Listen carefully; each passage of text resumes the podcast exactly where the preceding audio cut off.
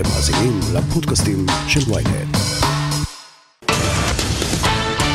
For the last year and a half, I've been following the opioid crisis in Missouri. Last February, I spoke to law enforcement, emergency room doctors, and lawmakers about what... כשראינו לפני כמה שנים את התמונות הקשות של המכורים למשככי כאבים בארצות הברית, חשבנו שזו תופעה אמריקנית ייחודית. בישראל אמרנו, אין אנשים כאלה, ויש רופאים שדואגים לציבור. אבל כעת מתברר כי תופעת האופיואידים הגיעה גם לישראל, והתוצאות קשות. אדיר ינקו חושף את ההתמכרות החדשה של הישראלים. הכותרת, הפודקאסט היומי של ynet עם עטילה שומפלבי. אדיר, בוא נתחיל מהמספרים. בכמה ישראלים מדובר? אה, תראה, קודם כל, אחד, אחת הבעיות המרכזיות בסיפור הזה זה היעדר נתונים די משמעותי. אנחנו יודעים שיש אה, עד 2017, למעשה עד 2018, עלייה מאוד מאוד חדה בעצם במספר המרשמים שנרשמים אה, עבור אותן אה, תרופות. צריך להגיד, תרופות שיכולות לעשות אה, גם טוב, אבל שימוש לא נכון ולא מבוקר יכול לגרום לתוצאות קשות מאוד. אנחנו כן יודעים מה קרה בארצות הברית. אה, ב-20 השנים האחרונות הלכו לעולמם עד 2019 841 אלף בני אדם כתוצאה ממנת יתר של סמים, ושים לב אטילה, 70 אחוזים מהם כתוצאה מהתמכרות למשככי כאבים. אנחנו גם יודעים שהקשר בין אותם משככי כאבים לסמים הרבה יותר קשים כמו הרואין הוא קשר הדוק מאוד, ובישראל מרימים דגל בעניין הזה גם בשבועות האחרונים ואומרים, אה, ארגון אה, רופאים לזכויות אדם למשל, לסמן את אותן אה, תרופות ולהעלות מודעות לסכנות הכרוכות בשימוש בתרופות הללו. משכך כאבים, זה נשמע מאוד מדיצינלי, מאוד רפואי, מאוד מקצועי. כואב לי משהו, הלכתי לרופא, הוא רשם לי משכך כאבים, מה פתאום אני מתמכר? אז צריך להגיד שיש כמה קבוצות אה, של אה, משככי כאבים, אנחנו מדברים על אה, קבוצת משככי הכאבים ממשפחת האופיואידים, מדובר על המשככים החזקים ביותר, כמובן גם בתוך אותה קבוצה יש חזקים יותר, חזקים פחות, אנחנו מכירים כמובן, המוכר מכולם זה המורפיום כמובן, אבל יש גם משככים הרבה יותר קשים, כלומר הרבה יותר משמעותיים. ומדובר על משככים שהם גם עושים את העבודה, אבל גם, כפי שאמרתי, יש להם נטייה מאוד מאוד מאוד גדולה להתמכרות. הכמות שאתה לוקח עכשיו יכולה לעלות די מהר, ואנחנו רואים את זה, ומה שקורה בארצות הברית לצערי הרבה פעמים מגיע לישראל באיחור של כמה שנים, ואנחנו רואים את זה גם פה. במקרה גם הזה לא לצערנו. טוב שזה הגיע באיחור, חבל שזה הגיע בכלל. נכון. אה, עכשיו אם אתה זוכר אטילה את הסיפור של משפחת אה, סקלר אה, בארצות הברית, המשפחה היהודית שבעצם ייצרה בשנת 96 את אוקסיטונטין, שזה כאילו בעצם המשכך עקבים שהתחיל כל הסיפור הזה, ועד היום בתביעות מאוד משמעותיות מצד משתמשים ובני משפחות של אנשים שהלכו לעולמם כתוצאה מהתמכרות לאותם משככי כאבים, בעצם אנחנו רואים תוצאות מאוד מאוד מאוד קשות, חלק מהמומחים גם בארצות הברית אומרים שזה ממש מחק יישובים וכפרים שלמים, בעיקר בארצות הברית, אה, מה שנקרא רורל אמריקה, הייתה פגיעה מאוד מאוד קשה שם.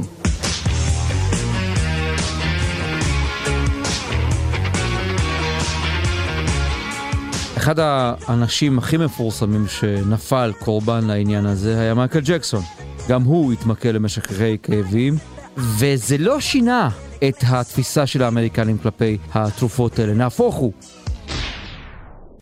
אחרי שמייקל ג'קסון מת, אחרי שכבר התברר למה הוא מת, עדיין הרופאים האמריקנים המשיכו לרשום. גם הישראלים רושמים בקלות. תראה, זה סיפור בעיקר על כסף, הרבה מאוד כסף. הרבה מאוד כסף אה, שעובר אה, גם לרופאים.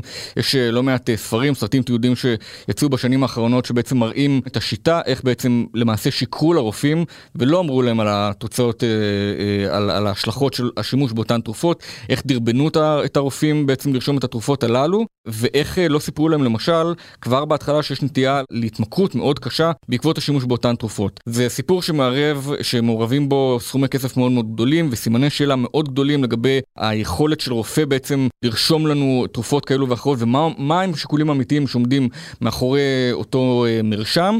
ואנחנו רואים שגם בישראל בשנים האחרונות אמנם בעצימות נמוכה יותר, רופאים נוטים יותר לרשום את התרופות הללו בקלות רבה יותר, ואנחנו יודעים איך אה, נכנסים לזה, לא תמיד יודעים איך יוצאים מזה. אתה יודע, רופאים יודעים אה, אה, להמליץ על התרופות הללו, לרשום את אותן תרופות, אבל הם לא תמיד יודעים לגמול את המטופלים מאותן תרופות.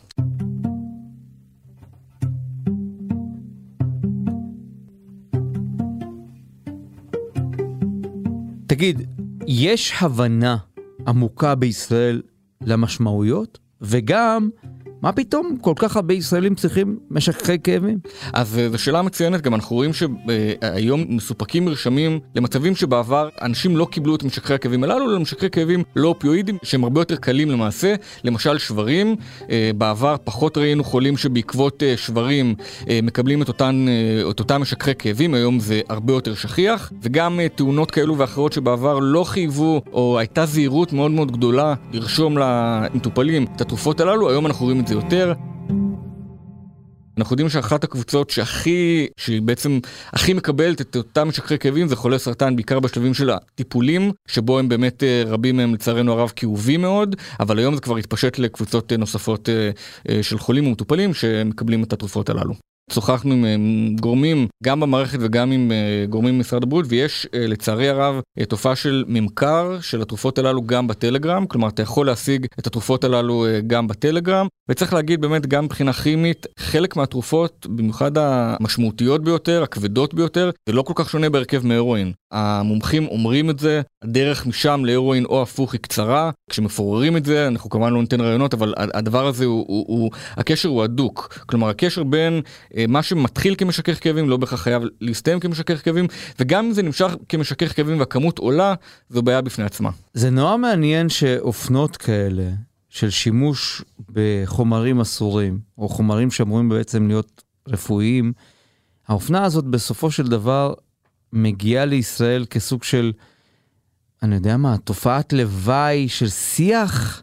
כי הרי לפני שלוש שנים, שראינו תמונות באמת מזעזעות, לא שמעת על ישראלים שפוכים בצידי הדרך בגלל איזו תרופת הרגעה כזו או אחרת. צריך להגיד שגם היום אנחנו לא רואים את התמונות הללו, כי הפגיעה בארצות הברית הייתה באמת מאוד מאוד מאוד קשה וחריגה וקיצונית, אבל העניין הוא שאנחנו גם לא יודעים הרבה, עטילה, אין לנו נתונים על, על השימוש, והמרשמים החל משנת 2017-2018, כלומר גם בקופות לא מספקים לנו נתונים, גם במשרד הבריאות, ובאמת אה, לאחרונה ארגון רופאים לזכויות אדם עתר נגד משרד הבריאות והציע בעצם לסמן על התרופות הללו, על, על, על גבי האריזות, אזהרה מאוד חמורה באשר לשימוש באותן תרופות, כמו שאנחנו רואים עם סיגריות, קצת כמו שרואים אה, עם מדבקות המזון. בואו נראה אם הדבר הזה מתקדם, אבל זה יכול להיות צעד בכיוון, ואני חושב שבהחלט אחת הבעיות לגבי התופעה הזו, שאנחנו לא מכירים באמת את ההיקף שלה. ויכול להיות שהתופעה הזו היא הרבה יותר חמורה, וכל זה קורה אחרי שאנחנו ראינו כולנו גם אנחנו, גם אה, במערכת הבריאות, גם במשרד הבריאות, מה הדבר הזה עשה הברית, וכרגע זה נראה שאנחנו רושמים את אותן תרופות הרבה יותר בקלות. מיד נמשיך עם הכותרת, אבל לפני כן, הנה הודעה קצרה. אהלן, זה עופר שלח. אני רוצה להזמין אתכם להאזין לפודקאסט החדש שלי מבית ynet. קוראים לו האמת היא, ובכל שבוע אני אשוחח בו עם דמות אחרת על סדר היום העתידי של ישראל, שזו דרך יפה להגיד שנדבר על כל מה שבאמת חשוב שהפוליטיקה תעשה בשבילנו. אז חפשו האמת היא באפליקציות הפודקאסט שלכם, יהיה מעניין. האמת היא, עם עופר שלח. עם עופר שלח.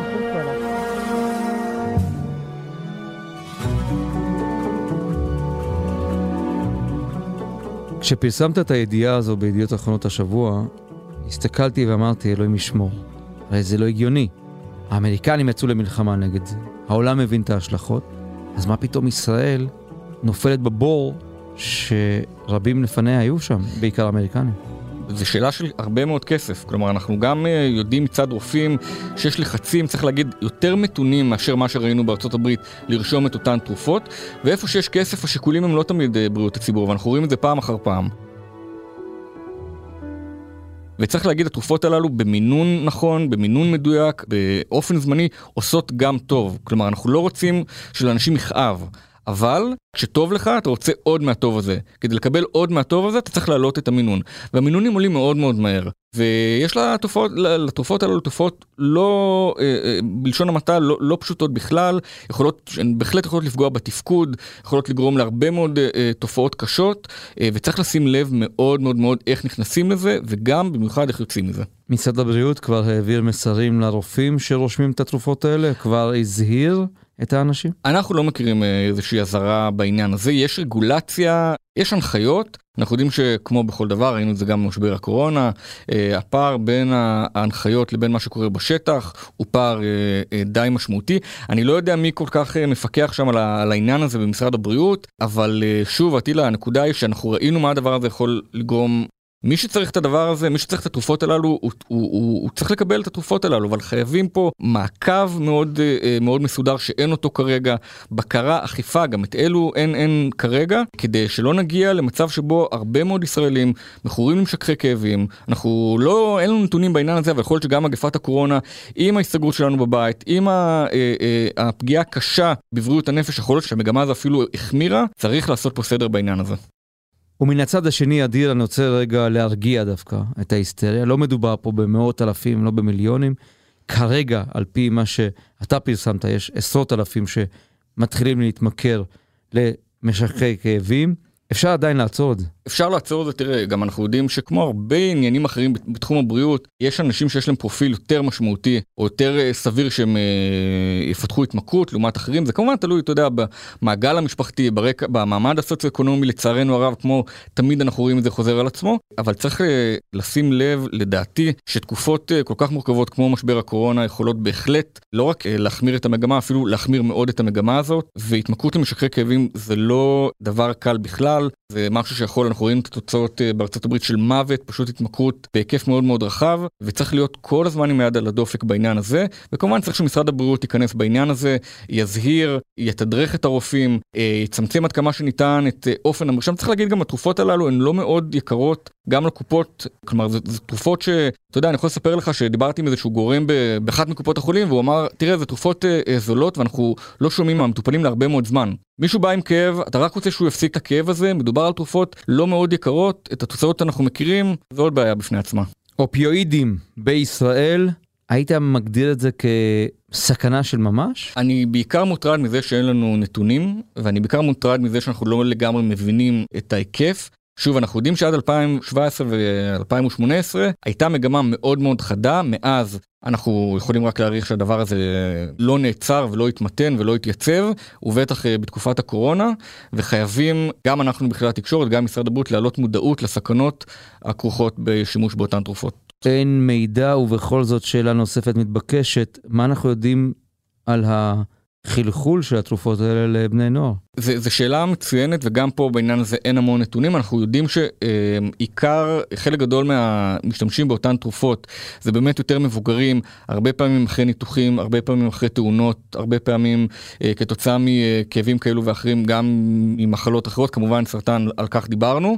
אנחנו לא יודעים להגיד וזה עוד עוד עניין אה, מאוד משמעותי בעניין הזה שאם היינו יודעים עד כמה היקף התופעה הזו הוא היה רחב היינו יכולים להיות אולי גם יותר רגועים. יש לנו הרבה מידע עד נקודה מסוימת אנחנו מעריכים שמאז המצב נהיה גרוע יותר אבל גם את זה קשה מאוד להגיד בוודאות. אלי ינקו כתבנו לענייני בריאות אתה ממשיך לעקוב. תודה.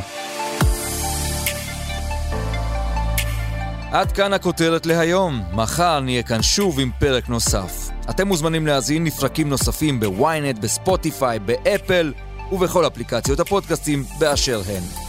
אם יש לכם הערות, בקשות או רעיונות, אתם מוזמנים ליצור איתי קשר באמצעות האימייל podcaststudelynet.co.il עורך הפודקאסטים שלנו רון טוביה, בצוות ערן נחמני ושחה ברקת, על הסאונד ניסו עזרן. אני עטילה שומפלבי, נשתמע מחר.